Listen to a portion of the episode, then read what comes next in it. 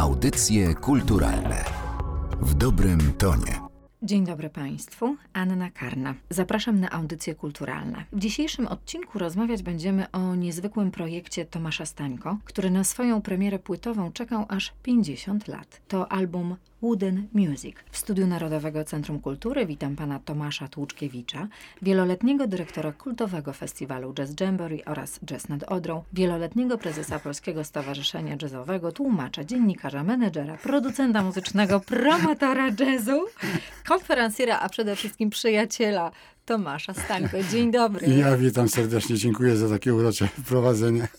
Ale nie powiedziałam wszystkiego, a to mnie bardzo ciekawi, bo w czasie swojej drogi zawodowej zyskał pan także tytuł księcia polskiego jazzu. E, to naprawdę jest epizod niegodny wspomnienia. Nawet nie wiedziałem, że tak sobie ze mnie żartowano. W Kaliszu, którym przez wiele lat, w 80 latach bywałem na festiwalach, zapowiadałem je, także pełniłem takie funkcje koordynatora programu, także byłem tam częstym gościem. Nawet sobie nie zdawałem sprawy z tego, że tak w ten sposób ze mnie żartowano. Tak nie przyznaję się do tego tytułu.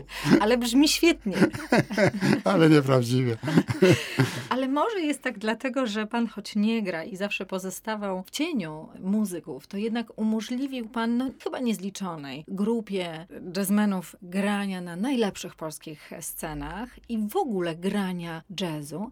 Czy pamięta pan ten pierwszy moment, kiedy usłyszał Tomasza Stańko. Tak, pamiętam. To, to było w grudniu 63 roku w auli Politechniki Wrocławskiej, która wówczas pełniła także funkcję sali koncertowej Filharmonii Wrocławskiej w składzie kwartetu Krzysztofa Komedy. Pamiętam, że to było w dzień świętego Mikołaja. Parę miesięcy później miałem także okazję słyszeć Tomasza w składzie jego zespołu Jazz Darlings. To było w czerwcu z kolei w klubie Pałacyk. Następnie okazało się, że to był ostatni występ zespołu Jazz Darlings w ogóle w historii historii, z czegośmy sobie wówczas nie zdawali sprawy. Warto to zapamiętać, bo Jazz Darlings to niesłychanie ważny zespół dla twórczości i kariery Stanki, w szczególności także dla kwintetu Stanki, o którym będziemy głównie rozmawiać, bo to była pierwsza taka dojrzała próba e, grania free jazzu. Rzeczywiście tak było, ale chcę zapytać jeszcze o samego Tomasza Stańko, bo od początku mówiło się o nim, że on po prostu olśniewał talentem. Zbigniew Namysłowski wspomina, że Stańko był ulubionym muzykiem Krzysztofa Komedy, który, i tu cytat, brał go na absolutnie wszystkie nagrania, dopóki był w Polsce i dopóki grał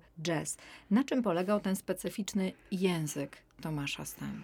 E, przede wszystkim na tym, że był e, odważny i nieszablonowy. Wobec tego komeda mógł liczyć na to, że jego piękne kompozycje będą grane w kreatywny sposób, że będą brzmiały świeżo, za każdym razem inaczej. Ten kreatywny temperament Stanki był bardzo bliski komedzie, bo on także był artystą niesłychanie kreatywnym. Wobec tego cenił sobie kreatywność i u innych i stąd właśnie Tomasz, który rzeczywiście od słynnego Jamboree chyba w 1963 roku do chwili wyjazdu komedy z Polski był jego nadwornym trębaczem grał w wszystkich jego projektach. Projekt, o którym dziś Państwu chcemy opowiedzieć, wiąże się z kwintetem Tomasza Stańko, w którym grali Zbigniew Seifert, Janusz Muniak, Bronisław Suchanek i Janusz Stefański. Tomasz Stańko działalność tego kwintetu podzielił na takie trzy etapy. I pierwszy oczywiście wiąże się z wydaniem albumu Music 4K, debiutem wydawniczym Stańki jako lidera. Tak jest. Drugi to właśnie Wooden Music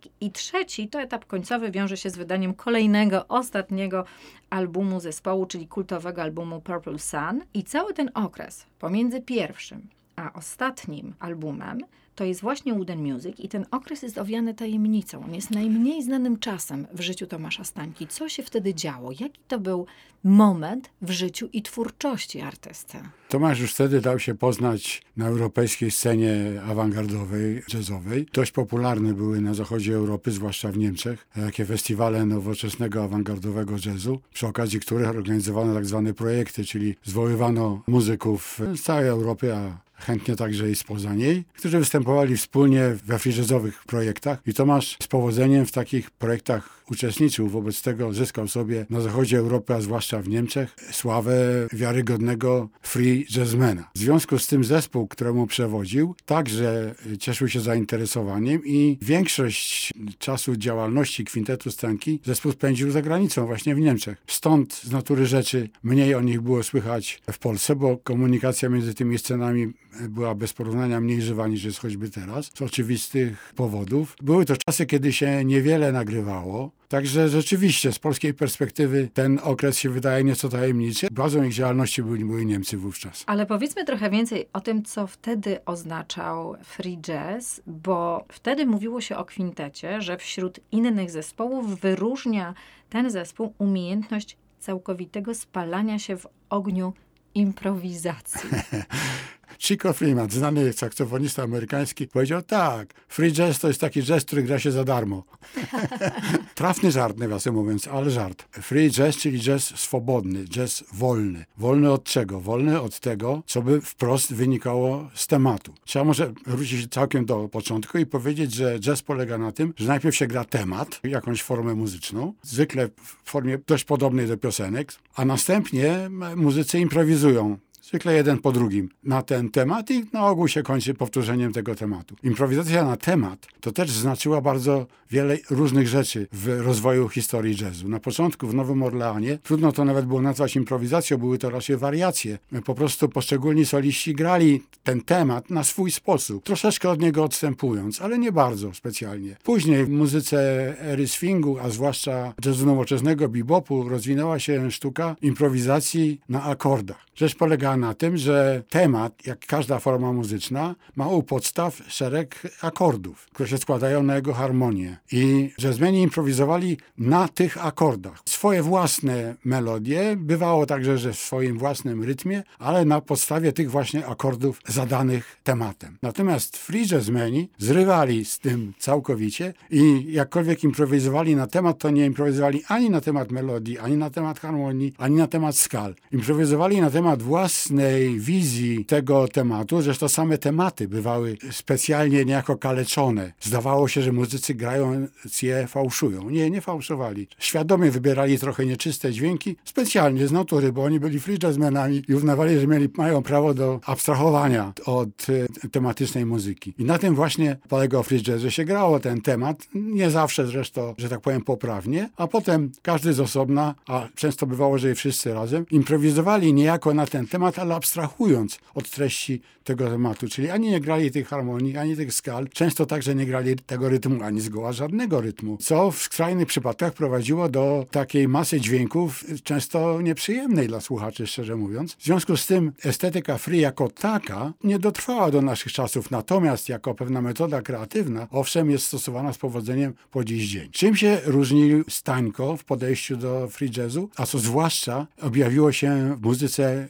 kwintetu? Rzecz polega na tym, że Stańko i jego koledzy nie tylko nie improwizowali na temat żaden, ale improwizowali tematy. To było niesłychane, naprawdę rewolucyjne podejście, że potrafili improwizować kompozycje. Wychodzili na scenę bez zupełnie żadnego z góry umówionego zamiaru, grali, w swoich duszach śpiewało i w pewnym momencie zaczęło się to układać w jakąś zorganizowaną formę, czyli coś właśnie w rodzaju tematu. Z natury rzeczy, w odróżnieniu od klasycznego podejścia do improwizacji jazzowej, te tematy się krystalizowały raczej na koniec utworu, niż od, niego, od nich zaczynały. I przykłady tego przepiękne słychać właśnie z tej płyty, o której dzisiaj e, rozmawiamy. Wooden Music, czyli ten okres e, środkowy, to jest kwintesencja tego właśnie free jazzowego podejścia, totalnie free jazzowego. I ten okres rzeczywiście jest, do wydania tej płyty był prawie zupełnie nieudokumentowany, bowiem jest jedna płyta, a właściwie należałoby powiedzieć była, bo bynajmniej jej nie ma w tej chwili już. Ale w, w Niemczech wyszła płyta zatytułowana Jazz Message from Poland, która była rejestracją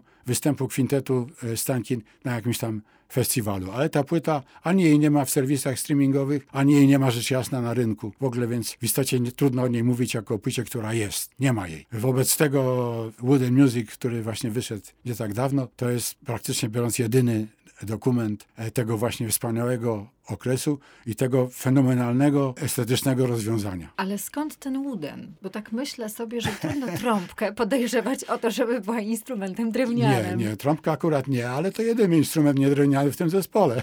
Powiem, nawet bębny, nawet bębny są właściwie z drewna. Mnie się wydaje, że na to pytanie odpowiada ta płyta także. Co znaczy, że została trafnie zatytułowana. Bowiem e, to, co na niej robi największe wrażenie, przynajmniej na mnie, to właśnie duet skrzypiec z kontrabasem, czyli dwóch instrumentów par excellence drewnianych. To wydaje mi się taką najbardziej przekonującą dominantą tej muzyki. Piękno tego duetu. Ale rzeczywiście Stańko nazywał muzykę w tym czasie muzyką drewnianą. Także tak ją zapowiadał na występach i w Polsce. Nawiasem mówiąc, skoro już tak e, swobodnie rozmawiamy, to na warsztatach w Chodzieży, gdzie się poznałem i zakolegowałem z e, kwintetem, który zresztą wówczas był tylko kwartetem, bo nie było muniaka, zorganizowaliśmy tam zespół w fabryce podkładów kolejowych wykonywanych z betonu. I na tę okazję Stanko zagrał muzykę betonową.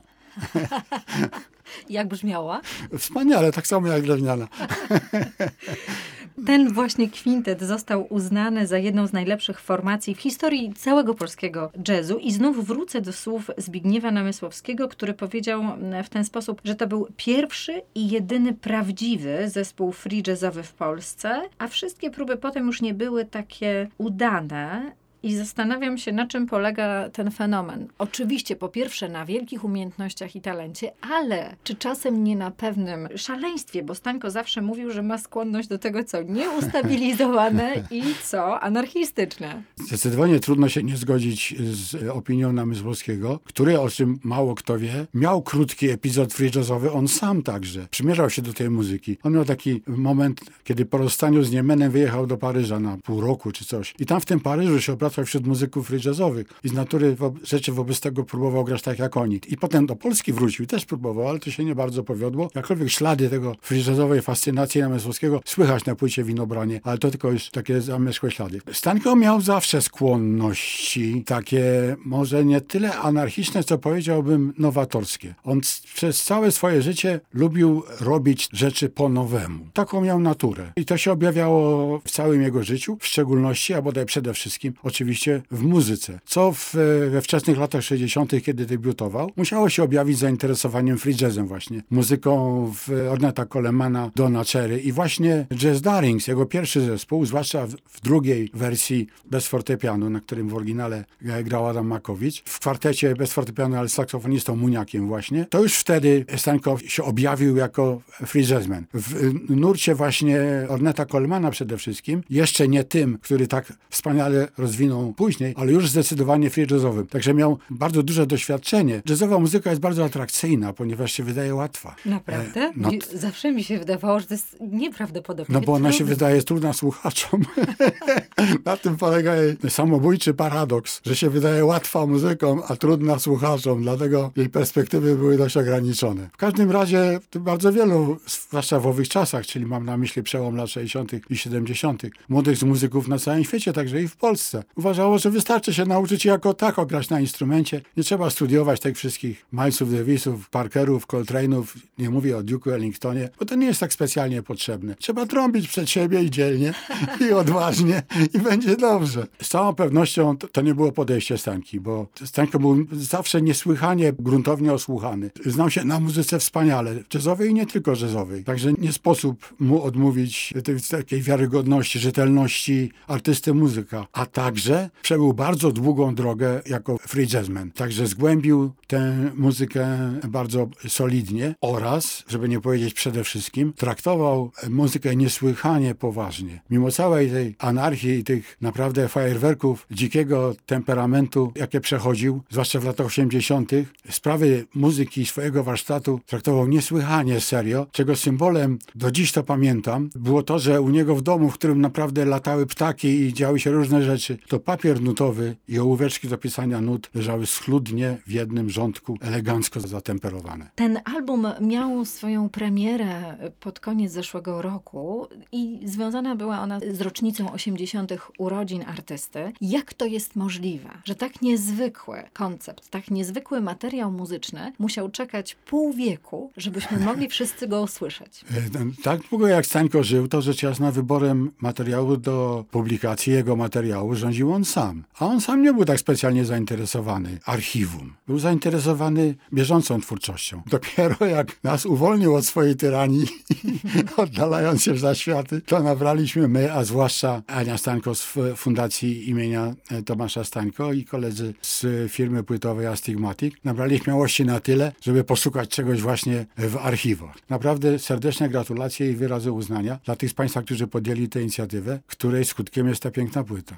Dodam tylko, że ten materiał przeleżał w archiwach Radia Bremen. W tej chwili dostępna jest pierwsza część, ale będzie jeszcze druga tak część tak Wooden Music. Przyjaźnili się panowie kilka dekad. Nie mogę nie zapytać o to, jakim człowiekiem, jakim przyjacielem był Tomasz Stańko. Tomasz był e, postacią fascynującą, wspaniałą. Osobiście uważałem go jeszcze zanim nas powiązało takie bliskie koleżeństwo. Uważałem go za nie tylko najwybitniejszego artystę, ale zgoła intelektualistę polskiego jego czasów. Nie najwybitniejszego, ale w pierwszej dziesiątce z całą pewnością. I to niezależnie od e, dziedziny. Także obcowanie z kimś tak wybitnym było samo w sobie fascynujące, zwłaszcza że był kolegą niesłychanie koleżeńskim i wbrew swojej wielkości żywo się interesował swoimi bliźnimi, zwłaszcza tymi, dla których nabrał choćby cień sympatii. Pod wieloma względami czułem się bliski Tomaszowi, podobnie jak on czułem i czuję się istnieniem osobnym, co jak się wydaje mogło nas te nieco zbliżyć, a także jestem jazzfanem, jestem jazzfanem właściwie prawie tak samo długo, jak Tomasz był jazzmenem, więc mieliśmy bardzo wiele różnych wspólnych wspomnień i wspólnych myśli. Nasze zresztą medium naszych stosunków był przede wszystkim telefon. Dzwoniliśmy do siebie, a to właściwie Tomek dzwonił do mnie. Często zdarzało się, że trzy czy cztery razy dziennie i rozmawialiśmy długo, do, do godziny i więcej, na wiele różnych tematów. Zresztą Tomasz się przyjaźnił nie tylko ze mną, ale właściwie z całą moją rodziną, w szczególności z moją żoną, u której zasięgał porad kulinarnych. Mało kto o tym wie, że Tomasz y, lubił gotować. Nie zawsze, ale Co pewne gotował? rzeczy super zdrowe. Lubił także egzotyczne albo glony, albo jakieś grzybki, albo coś tam takiego dziwnego i bardzo chętnie i często z moją żoną Małgosią rozmawiali właśnie przez telefon na, na, temat tego, jak to należałoby zrobić, bo ona, jak się zdawało Tomaszowi, chyba zasadnie miała mimo wszystko większe doświadczenie w tych sprawach od niego. W tym roku minie piąta rocznica śmierci Tomasza Stańko. Paweł Brudowski, żegnając artystę, powiedział, byłeś włóczęgą jazzu. Kiedy widzę oczami wyobraźni Tomasza Stańko, to pierwsze co o nim myślę, to że to jest rzeczywiście człowiek wolny, który zawsze szedł swoją przez siebie wytyczoną drogą, bezkompromisową drogą artystyczną. Zdecydowanie. To była naprawdę e, podstawowa cecha charakteru Tomasza w wielu sprawach, ale w muzyce wyrażała się najdobitniej. Rzeczywiście on był człowiekiem absolutnie, jak to się mówi, wewnątrz sterownym. To znaczy miał w sobie busolę, kompas i tylko jego słuchał, niczego innego. Nie dało się go namówić na nic. Ja sam podejmowałem nieśmiałe próby i wiem, że inne osoby bliskie Tomaszowi także starały się go do czegoś zachęcić szczególnego, to nie miało żadnych szans. Odwrotnie, można by się było starać radzić mu coś tego odwrotnego. Ale to nie była przekora, nie, nie, bynajmniej. To była po prostu pewność swojego kierunku, właśnie swojej drogi. I tylko dlatego zaszedł tak daleko. Bo żeby zajść daleko, trzeba naprawdę długo iść swoją drogą. I Tomasz właśnie tak szedł.